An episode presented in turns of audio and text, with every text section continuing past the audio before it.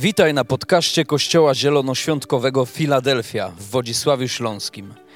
Mamy nadzieję, że to przesłanie zachęci Cię do bliższej relacji z Jezusem. Jeżeli jesteś ciekaw, kim jesteśmy, zapraszamy Cię do odwiedzenia naszej strony internetowej filadelfia.org.pl. Do zobaczenia w Filadelfii. Dzień dobry, Filadelfio. Poczytuję sobie za zaszczyt być tutaj z Wami, gdyż chcę Wam powiedzieć, że Wy jesteście bardzo sławni jako Kościół w całym kraju. Naprawdę. Nie tylko Wasi pastorzy, ale Wy też.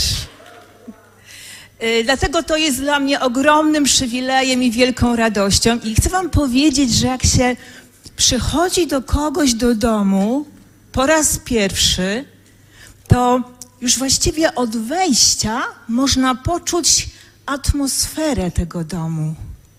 I już od razu wiadomo, co to jest za dom. Jakie tam są relacje, jak się mają domownicy tego domu. I chcę Wam powiedzieć, że jak byłam tutaj wczoraj, to taka pierwsza myśl, która przyszła mi do głowy, jak na Was patrzyłam, to pomyślałam sobie, że to jest kościół pełen pięknych ludzi jakkolwiek to rozumieć, wieloaspektowo, nie tylko fizycznie, ale jakieś miałam takie poczucie, tak to chyba pierwsza moja myśl, jak tu jest dużo pięknych ludzi. A dzisiaj chcę Wam jeszcze coś powiedzieć. To jest, nie wiem, czy Wy zdajecie sobie sprawę, ale dla kogoś z zewnątrz jest to bardzo wyczuwalne. Panuje wśród Was niesamowita energia macie wyjątkową grupę uwielbienia. Naprawdę, też bardzo znaną w całym kraju. Ale w pewnym. Ale był, były takie momenty, kiedy po raz pierwszy to usłyszałam, też miałam tak ciarki, że chcę Wam powiedzieć grupo, Wy jesteście doskonali, ale sala przejmuje dowodzenie. Naprawdę. W pewnym momencie to sala przejmuje dowodzenie. I to, jak was słychać, jest nieprawdopodobne. Naprawdę super. Hmm? Nie jest łatwo być gościem w tak znamienitym kościele. To ma swoje plusy, to ma swoje minusy. Plusy są takie, że gościa się bardziej słucha, tak? Niż lidera tego kościoła. Zgadza się? Y, czyli na zasadzie nikt nie może być prorokiem we własnym domu, więc jak przyjeżdża gość, to może mówić to samo, ale jakoś tak bardziej dociera. Tak?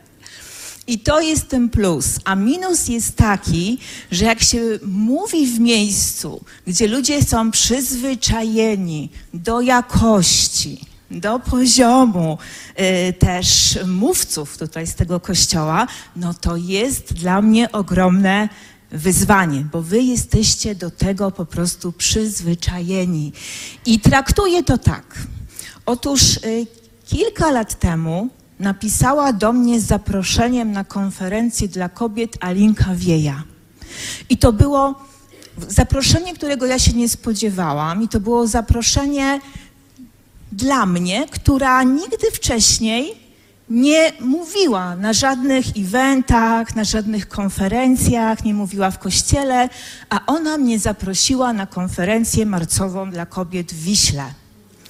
I ja należę do tych osób, może ktoś z Was też, która szybciej się godzi, a dopiero później to analizuje, czy powinna się zgodzić, czy nie powinna. Więc jak się zgodziłam, to się potem oglądałam zdjęcia z poprzednich konferencji i się okazało, słuchajcie, że na te konferencje przyjeżdża tysiąc kobiet. I to był taki mój y, początek tego wydarzenia. Chyba poproszę kogoś o, bo jednak jest zamknięta. No i tuż przed tym wydarzeniem, na tydzień przed tym wydarzeniem, nakrętkę też zabiorę chyba. Mhm. Tak sobie będę radzić. Na tydzień przed tym wydarzeniem, e, po nabożeństwie, zabrała mnie e, jedna moja koleżanka. Mówi, chodź, ja się o ciebie pomodlę przed tą konferencją. Do dzisiaj pamiętam, zabrała mnie do takiego zaplecza gdzie taki magazynek zamknęła drzwi i zaczęła się o mnie modlić, a po modlitwie mówi, wiesz co, ja widziałam pewien obraz. Ja zobaczyłam basen, na którym była rura, taka rura, przez którą się zjeżdża do wody. Mm? I ta rura była taka niebieska. I ona mówi, ja miałam taką myśl, jeszcze byłam, miałam, ja miałam też niebieską koszulę, że ty jesteś jak taka rura na basenie. I, I mówi, bo rura, ona się nie zastanawia, jak ona się ma ustawić. Czy tak, czy tak, żeby ta woda poleciała, czy tak. Nie. Ona po prostu jest, a przez nią woda i tak leci. Tak? I dla mnie jest to coś, co jest do dzisiaj takim wyznacznikiem. Za każdym razem, jeżeli wychodzę, aby do ludzi mówić, to ja pamiętam o tym, że ja jestem, jakkolwiek to brzmi, ja jestem tylko rurą. Ja nie muszę się wysilać, nie muszę kombinować, bo Duch Święty będzie działał i tak. Tak? Zatem przyjechała do Was rura z Bydgoszczy. Hmm. A dzisiaj chcę Was zaprosić do tego, abyśmy wspólnie poszukali odpowiedzi na pytanie, czy w relacjach, jest to tydzień, weekend poświęcony rodzinie, czy w relacjach w związku, czy w relacjach z dziećmi, czy w relacjach yy, z przyjaciółmi, w ogóle w relacjach, lepiej jest zachować bliskość, czy lepiej dystans? I chcę z Wami poszukać odpowiedzi na to pytanie. I zacznę od bliskości. Otóż bliskość jest fundamentalną potrzebą każdego człowieka. A to oznacza, że my po prostu mamy w genach zapis tego, że my potrzebujemy być częścią jakiejś grupy, jakiejś społeczności, należeć do tej grupy, czuć tam akceptację, zauważenie i docenienie, i to jest potrzeba każdego człowieka. Jeśli ktoś mówi, ja nie potrzebuję ludzi, to zawsze mamy do czynienia z jakimś zaburzeniem ponieważ to jest potrzeba każdego człowieka. Potrzebujemy bliskości i z tą potrzebą się rodzimy. Y, I brak tej bliskości rodzi szereg negatywnych konsekwencji. Z bliskością jest związana potrzeba dotyku. Dotyku. I tutaj przytoczę badania Nikolasa Gugiena, który przeprowadził badania nad tym, jak działa na ludzi dotyk. On razem ze swoim współpracownikiem udał się do klubu, gdzie zapraszali do tańca kobiety, 120 kobiet i polegało to na tym, że oni między sobą uzgodnili, że do połowy podejdą i po prostu zapytają, zatańczysz ze mną? A do drugiej połowy mieli podejść, zapytać o to samo, ale równocześnie lekko dotknąć za ramię. Lekko dotknąć. I okazało się, że w tej grupie, którą lekko dotknęli, zgodziło się zatańczyć 65%, a w tej, której nie dotykali, tylko 43%. A potem kontynuowali to badanie na ulicy, gdzie podchodzili do przypadkowych osób, prosząc o numer telefonu. I tu wyniki były bardzo e, podobne, ponieważ jeżeli równocześnie lekko dotknęli, ludzie się chętnie godzili, żeby ten numer telefonu dać. I to jest wskazówka dla wszystkich stanu wolnego, którzy będziecie mieć ochotę do kogoś dostać telefon, to pamiętaj lekko dotknij. Lekko dotknij. I to jest też wskazówka do dziewczyn, kobiet, że możesz podejść do męża, tylko pamiętaj, lekko go dotknij i powiedz, daj mi te dwie stówy na tą torebkę. tak? Y już małe dzieci wiedzą, że, że to, co dotyczy dotyku, przytulania i bliskości, jest dla nich najważniejsze. I była kiedyś taka reklama w telewizji, gdzie dzieci mówiły, co robią rodzice, kiedy dzieci są chore. I te dzieci nie odpowiadały wcale, że dostają nam lekarstwa. Wiecie, co mówiły? Dotyk, głaszczą nas przytulają nas, dotykają nas. Rodzice, ile razy pomyślcie, wasze dzieci przychodziły do was w nocy do sypialni i kładły się między was, żeby was tylko czuć. Czuć waszą obecność. To są ludzie, ale to już, zobaczcie, nawet zwierzęta to wiedzą. Ja mam psa Florę. I Flora, kiedy była mała, to ona chodziła za mną krok w krok. Jak gdzieś stanęłam, kładła mi się na stopy. Dzisiaj jest już duża, no duża, no 7 kilo, ale dorosła, tak? I wystarczy, że ja, wiecie, siadam na kanapę, a jeszcze biorę koc do ręki, to ja nie zdążę go rozłożyć, bo ona już na mnie leży. Zwierzę, które ma mały rozumek. Tak? I wie, że potrzeba dotyku jest ważna. Badania, które były prowadzone na zwierzętach, jeszcze bardziej to potwierdzają. Otóż szczury, które zostały odseparowane od swoich rodziców, okazało się niedotykane, bez ich obecności, po prostu zanikło u nich wytwarzanie hormonów wzrostu. One przestały rosnąć. Dopiero wtedy, kiedy je lekko zaczęto smerać pędzelkiem tylko, to znowu ta produkcja hormonu wzrostu wróciła. Małpy odseparowane od swoich rodziców, wychowywane bez nich w zamkniętym pomieszczeniu, kiedy dorosły, okazało się, że nie potrafią zaaklimatyzować się w stadzie. Nie potrafią się odnaleźć. Przez bardzo długi okres czasu myślano, że ludziom trzeba zapewnić, dzieciom trzeba zapewnić przede wszystkim to, żeby je nakarmić, żeby ludzie mieli co jeść, że to jest najważniejsze. Ale kolejne badania, tym razem Harry Harlow przeprowadził badania polegające na tym, że wziął dwie małpy, makaki, włożył je do pomieszczenia i razem z nimi włożył dwie kukły, które miały przypominać matkę. Jedna była druciana, nieprzyjemna w dotyku, a druga była mięciutka. To ta druciana miała mleko, mięciutka jej nie miała, a małpy i tak wolały obecność tej mięciutkiej. Tylko co jakiś czas odwracały się, żeby się napić, a potem szybko wracały do niej. W latach 50. przeprowadzono badania nad y, y, wpływem bliskości czy braku bliskości na nasze, nie tylko na nasz rozwój, ale na całe nasze życie. Otóż zbadano dzieci, które urodziły się w tym samym czasie y, w zakładzie karnym, przedszkolu przywięziennym i tym, gdzie dzieci trafiły do tak zwanego przytułku miejsca prowadzonego przez siostry zakonne. Tam, gdzie było przedszkole przy więzieniu, oczywiście dzieci miały kontakt ze swoimi mamami. Tam, w tym ośrodku nie.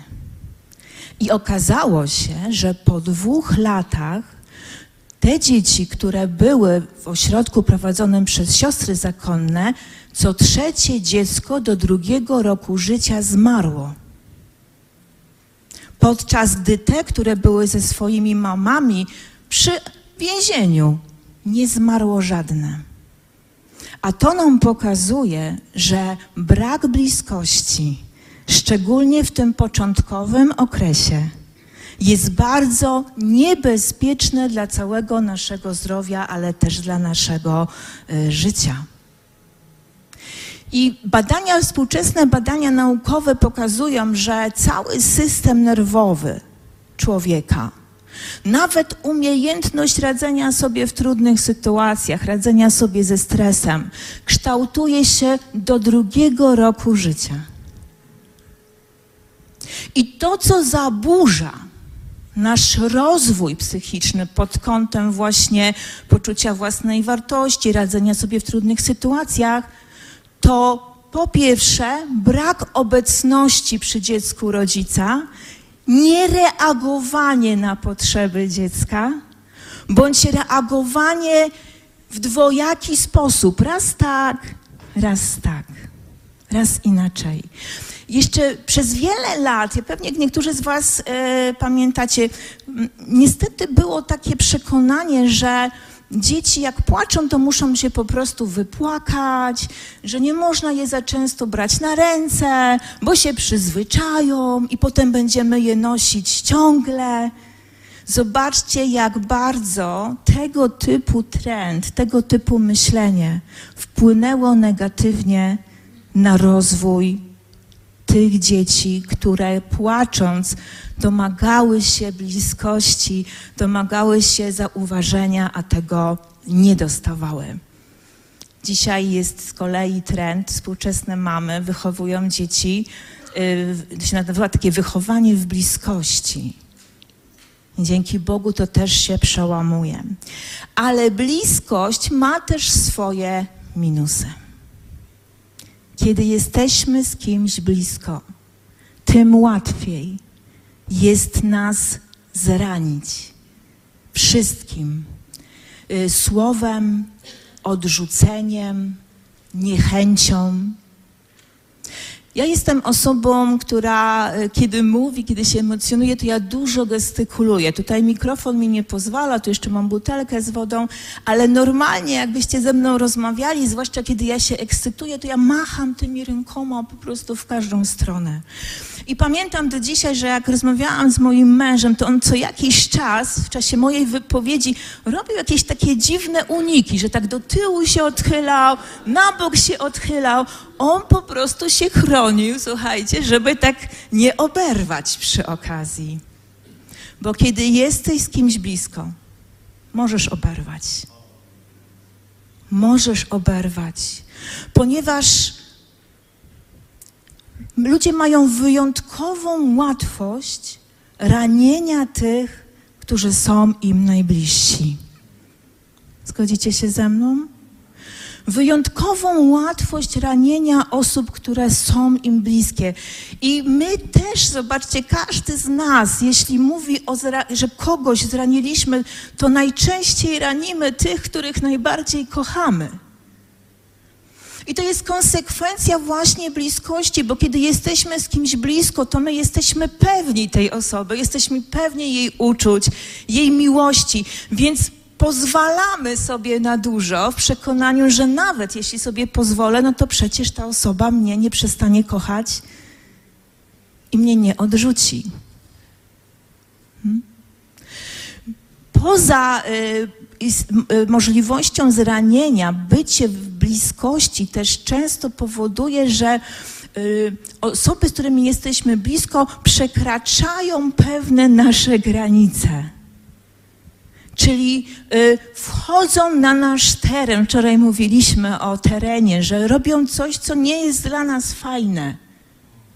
Kiedy jesteśmy w dystansie, to my po prostu już tak się nie przejmujemy tym, co ludzie do nas mówią. No może godzinę, może jeden dzień. Ale kiedy jesteśmy blisko i ktoś przekracza nasze granice, to my to bardzo mocno odczuwamy. Kiedy jest się blisko danej osoby, to często nie widać dobrze, nie widać szczegółów, nie widać perspektywy. Jeśli na kartce narysowalibyśmy kropkę, to kiedy oddalimy kartkę od siebie, widzimy tą kropkę, ale jeśli byśmy kartkę przesunęli do twarzy, wierzcie mi, tej kropki nie zobaczycie. I to też pokazuje, że jak jestem z kimś blisko w relacji, to ja nie widzę, jak naprawdę się rzeczy mają. Jest nam bardzo ciężko ocenić problem, pomóc komuś w problemie. Wiecie, że najtrudniej y, pomaga się tym ludziom, którzy, z którymi jesteśmy blisko. To jest, mówi się, że to jest wręcz często niemożliwe, żeby pomóc komuś, z kim jestem blisko, bo nie mam obiektywizmu, bo nie widzę prawdy całej o tej osobie i o tym problemie. Czyli bliskość ma też swoje minusy. Jeśli jestem z kimś blisko, to yy, owszem, mogę budować z tą osobą relację, ale tym bardziej boli później strata tej osoby. Zobaczcie, strata. Ludzie, jak są blisko, są jak kulki plasteliny o różnych, dwóch różnych kolorach. I kiedy jesteśmy blisko, to te kulki po prostu się ze sobą łączą. I ta, te dwie kulki stają się właściwie jedną. I te kolory, ten koloryt kulki przenika jedno z drugą. Tak my funkcjonujemy, łączymy się, jesteśmy w związku, jesteśmy blisko i siłą rzeczy te nasze różne koloryty, bo my mamy różne koloryty, one się ze sobą łączą. Ale kiedy przychodzi rozerwanie z jakiegoś powodu, bo ta osoba odchodzi od nas, odchodzi z naszego życia, to zobaczcie, jest wyrwa. Części nas już nie ma, bo została z tą drugą osobą, a część tej drugiej osoby jest z nami.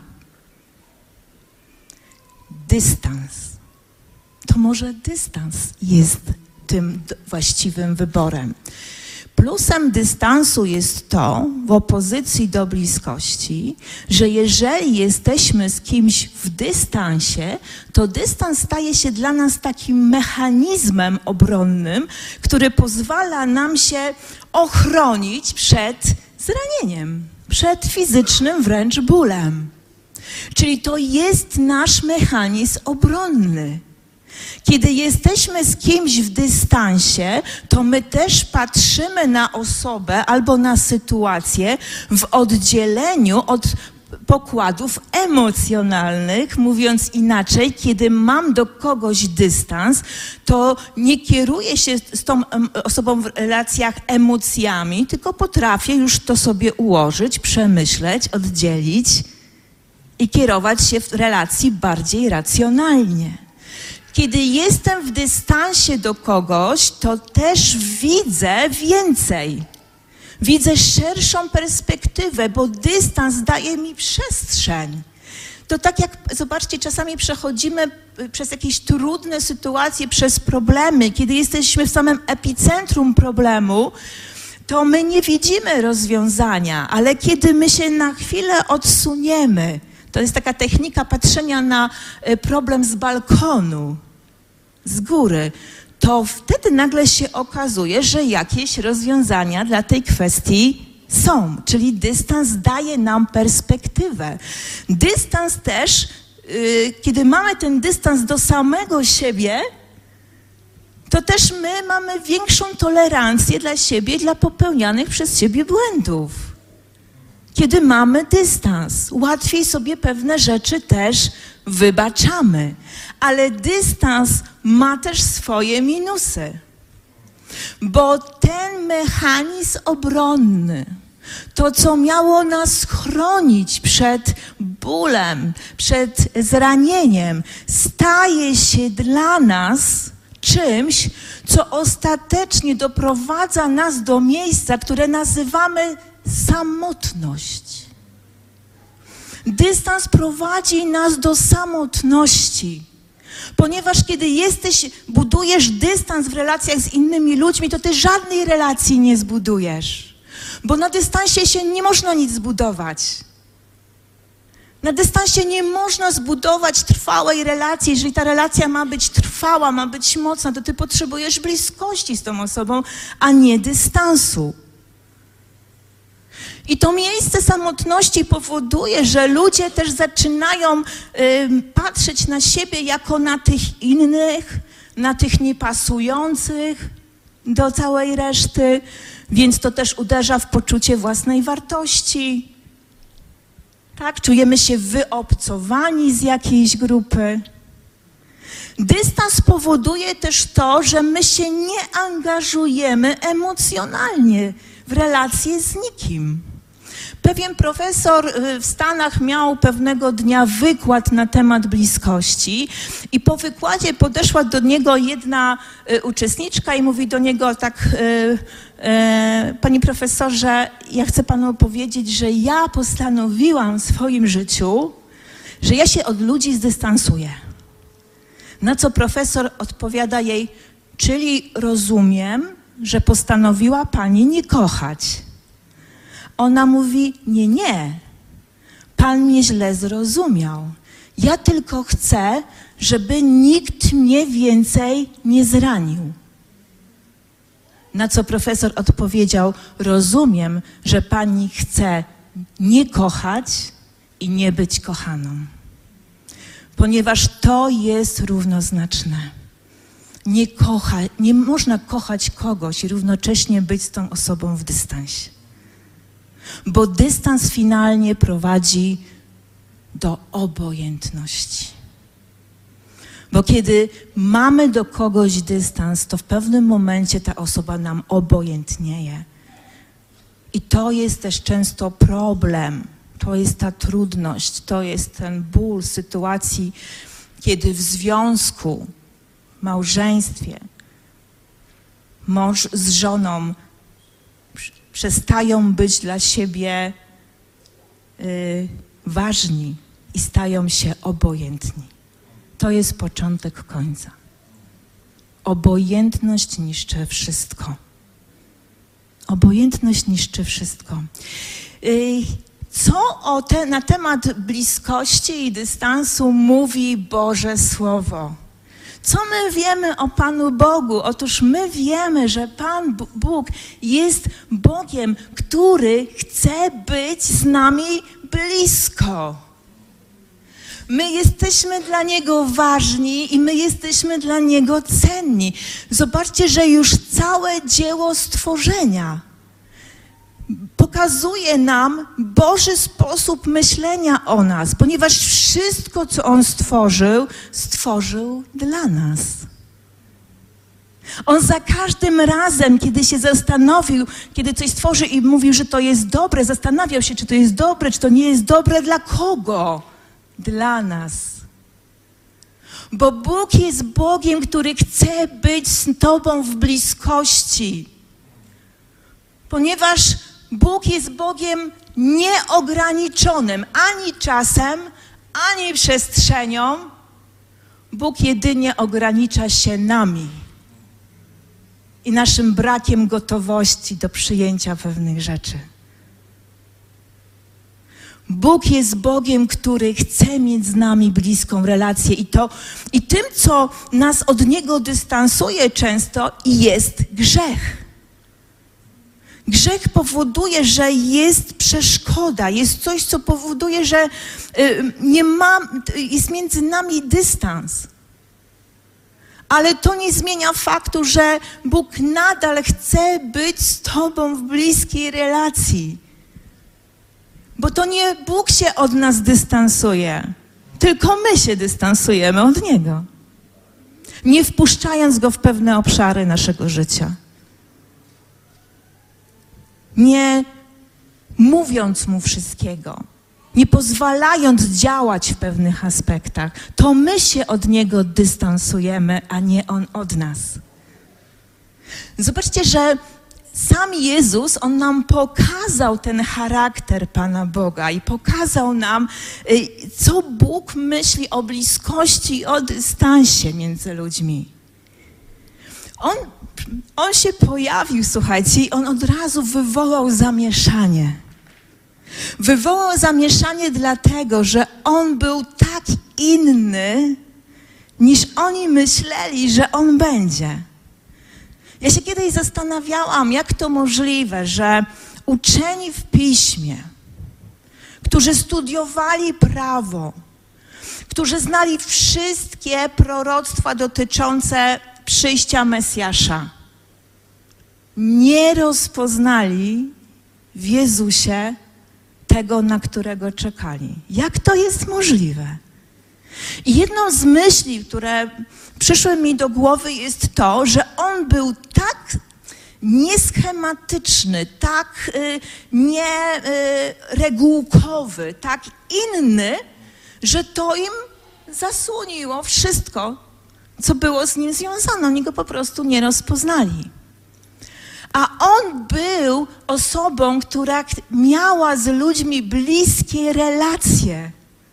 On spędzał bardzo dużo czasu z ludźmi. A jak był blisko nich, to on też miał wgląd w to, co jest w środku, to, co jest w głębi. Zobaczcie, kiedy jesteśmy z kimś blisko, to my poznajemy tą osobę, poznajemy każdy szczegół jej życia. I on znał te szczegóły. I, i, I konfrontował ludzi z tymi szczegółami, ale to jak on to robił? ma największe znaczenie, bo Bóg, nawet jeśli konfrontował kogoś z czymś, co nie było dobre w jego życiu, to on nigdy nie robił tak, żeby ktoś się czuł poniżony, zdeptany. Przeciwnie, ta osoba czuła się zmotywowana, zachęcona do tego, aby coś zacząć robić inaczej.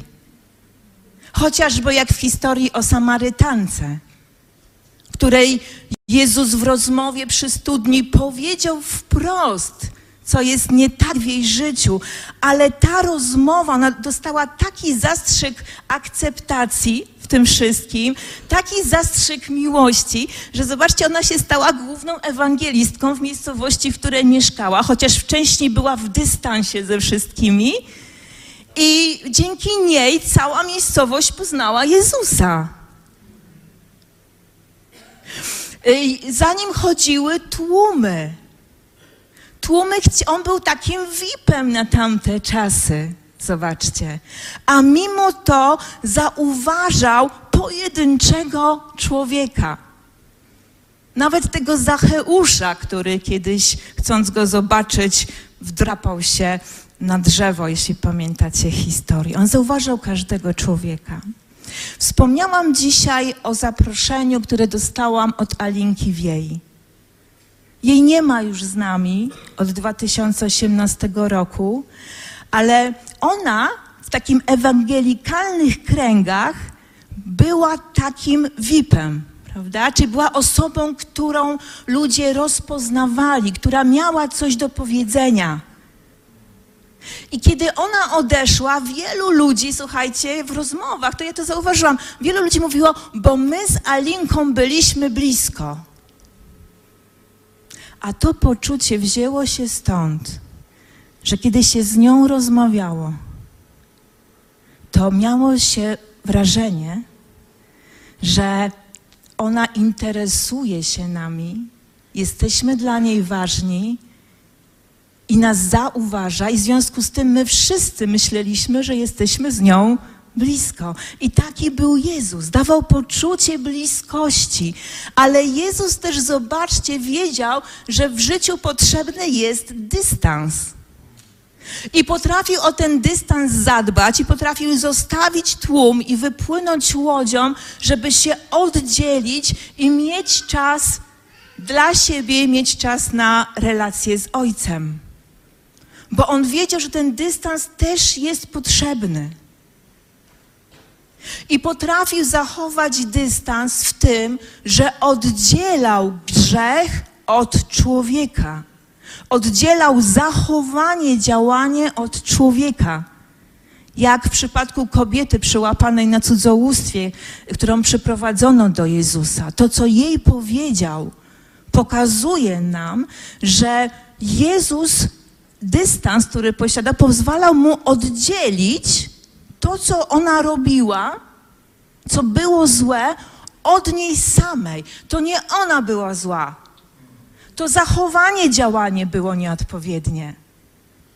Tak samo jest też, słuchajcie, w naszych relacjach.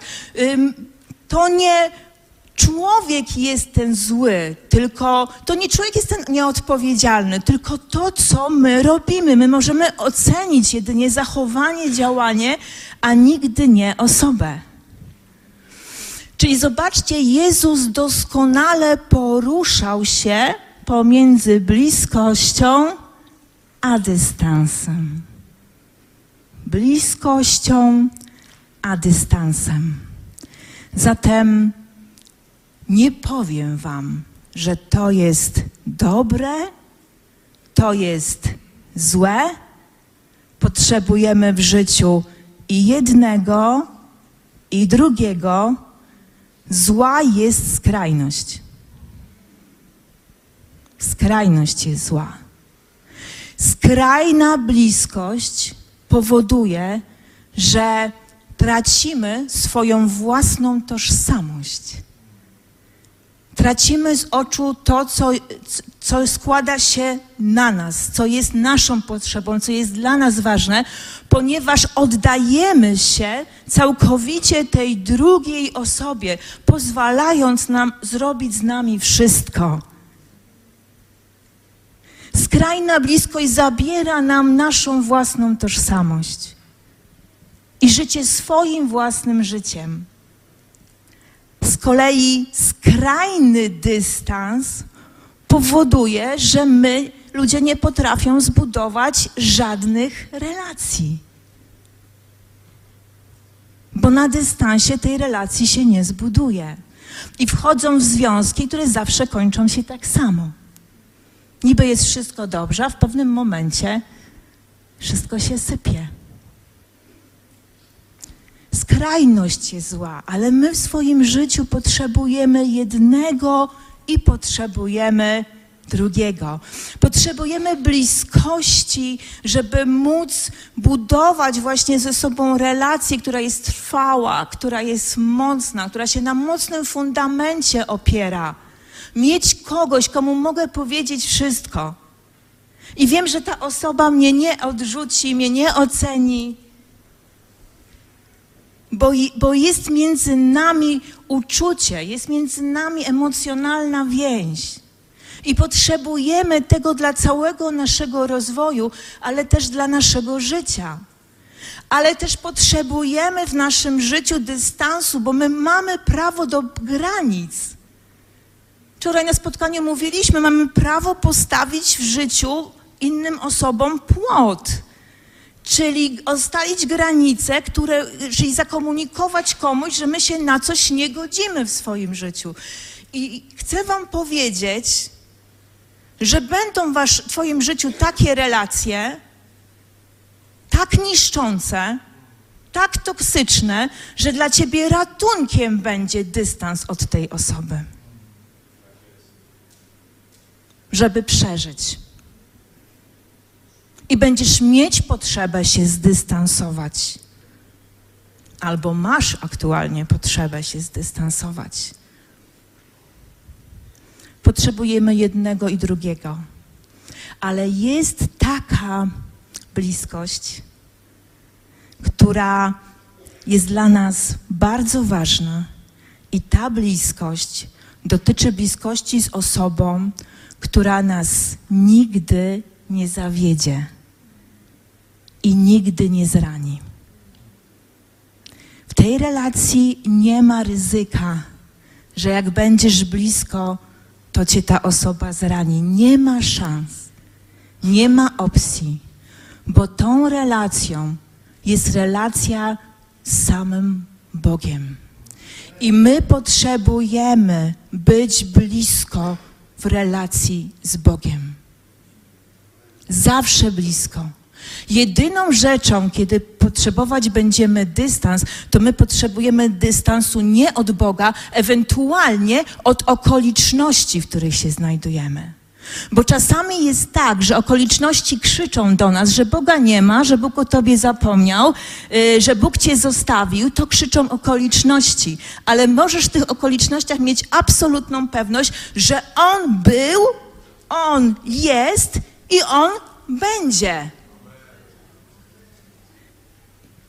Ty możesz się dystansować jedynie wobec tego, co podważa w tobie tą pewność. Bóg jest, był i będzie. I On chce być z Tobą blisko. I ta główna myśl, choćbyście mieli zapamiętać tylko jedno dzisiaj, z tych rozważań naszych, czy bliskość, czy dystans, to prawda. Dystans chroni nas przed zranieniem, ale potrzebujemy bliskości, aby zdrowieć. Hmm? Nie wyzdrowiejesz w dystansie. Jeśli potrzebujesz uzdrowienia, to potrzebujesz bliskości. nawet z tym ryzykiem, że ktoś ciebie zrani. Ona nauczyła się żyć z dala. Zrobiła wszystko, żeby sobie pomóc. I scenariusz zawsze był taki sam: ból, potem nadzieja, potem oczekiwanie, zawód i znowu ból. jak cykl, zawsze ten sam. Ludzie trzymali ją na dystans, jako tą, która była niewygodna, niebezpieczna, niepasująca.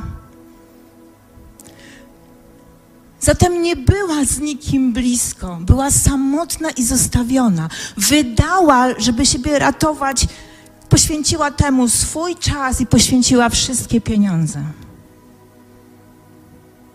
I wtedy, kiedy usłyszała, że tam, gdzie mieszka, będzie Jezus, to jeszcze raz pojawiła się myśl pełna nadziei, a może tym razem. I to był taki dla niej jak ostatni zryw. Jak tonący, który czuje, że już nie ma siły, ale ostatkiem sił jeszcze próbuje się wydostać na powierzchnię. Ja myślę, że to był taki moment w jej życiu, że ona pomimo tego, że była niechciana, nie, nieoczekiwana, wykluczona społecznie, ona zdecydowała się pójść w tłum, który jej nie chciał. Tylko po to, żeby móc się do Niego zbliżyć i żeby Go dotknąć.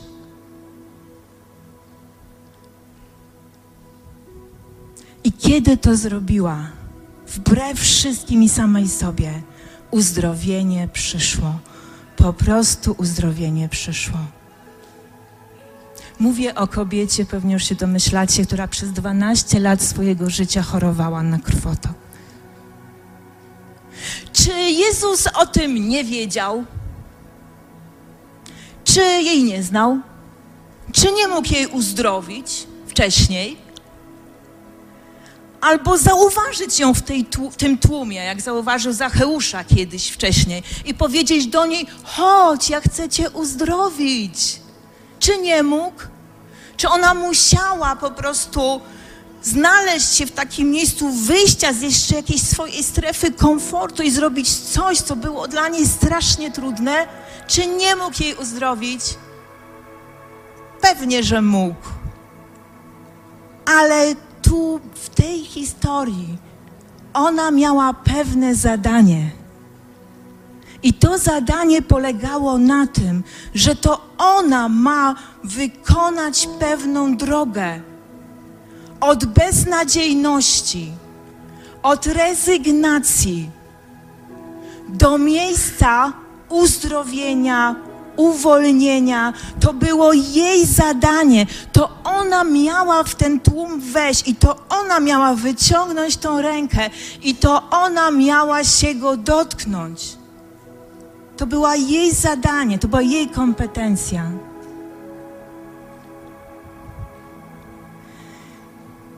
Nie chcę, żebyście pomyśleli, że nadinterpretuję.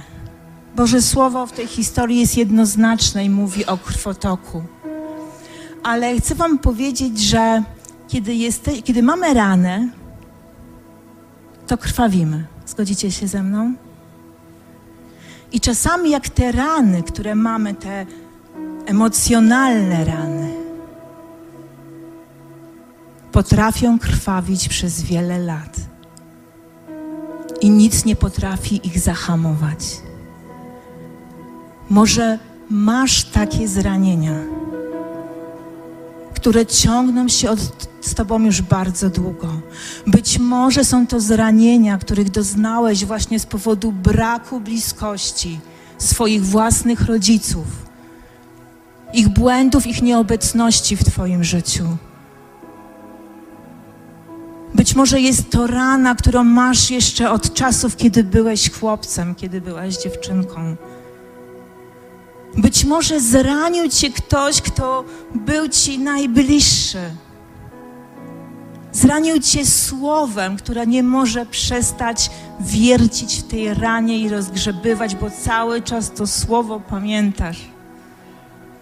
Albo zranił cię jakimś zachowaniem, jakimś działaniem. I to była osoba, od której się tego nie spodziewałaś, nie spodziewałeś. Być może to jest Twoja własna żona albo Twój własny mąż.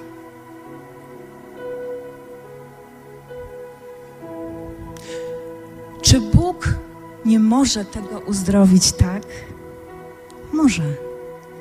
Ale może dzisiaj jesteś tu dlatego, że On chce Ci powiedzieć, że to Ty masz do pokonania pewną drogę. I to Ty masz wyjść z tego miejsca i przyjść się Go dotknąć.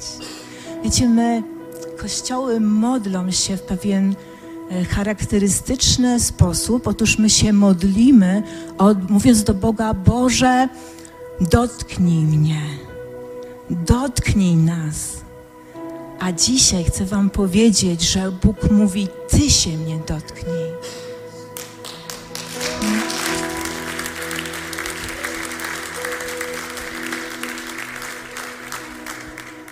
Ty się mnie dotknij, a przyjdzie uzdrowienie. Ty się mnie dotknij, bo to dotknięcie, to zbliżenie się do Jego osoby potrafi uczynić cuda. Bo przyjaciele ci czasami często nie wystarczą, nie są w stanie ci pomóc. Mąż czy żona nie jest w stanie ci pomóc. Duszpasterz nie jest w stanie ci pomóc. Psychoterapeuta nie jest w stanie ci pomóc. Bo nasze ludzkie y, możliwości pomagania są ograniczone, ale Bóg nie.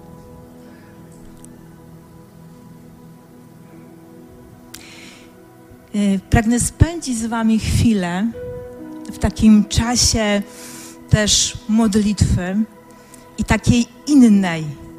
Będę chciała Was zaprosić do zmiany narracji, bo chcę, żebyście razem ze mną dzisiaj w tej modlitwie wyciągnęli swoją ręce i żebyście Wy się Go dotknęli. Żebyście po to uzdrowienie przyszli i żebyście dzisiaj to uzdrowienie ze sobą wzięli.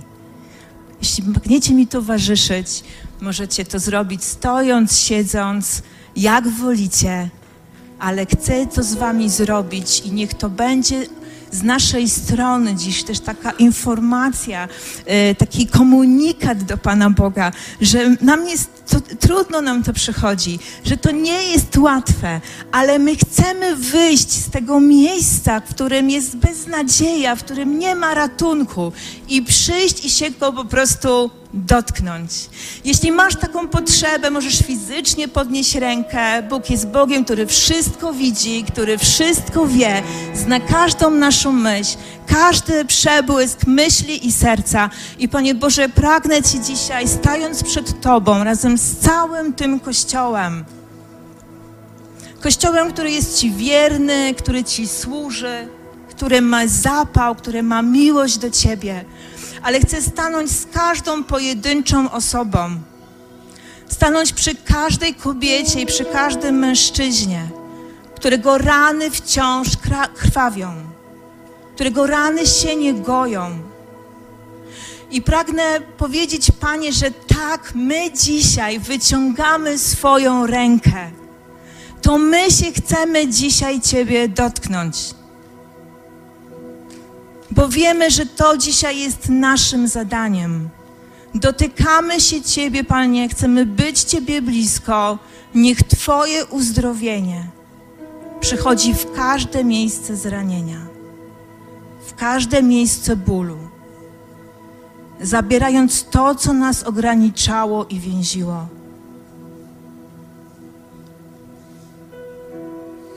Panie, wyciągam swoją rękę. Dotknij się mnie. Zawołaj ze mną w swoim sercu, dotknij się mnie. A ten, który widzi, dzisiaj dotyka, przyjmuje ten dotyk i przynosi Ci uzdrowienie. Krawężnik, pamiętajcie, pomiędzy bliskością a dystansem.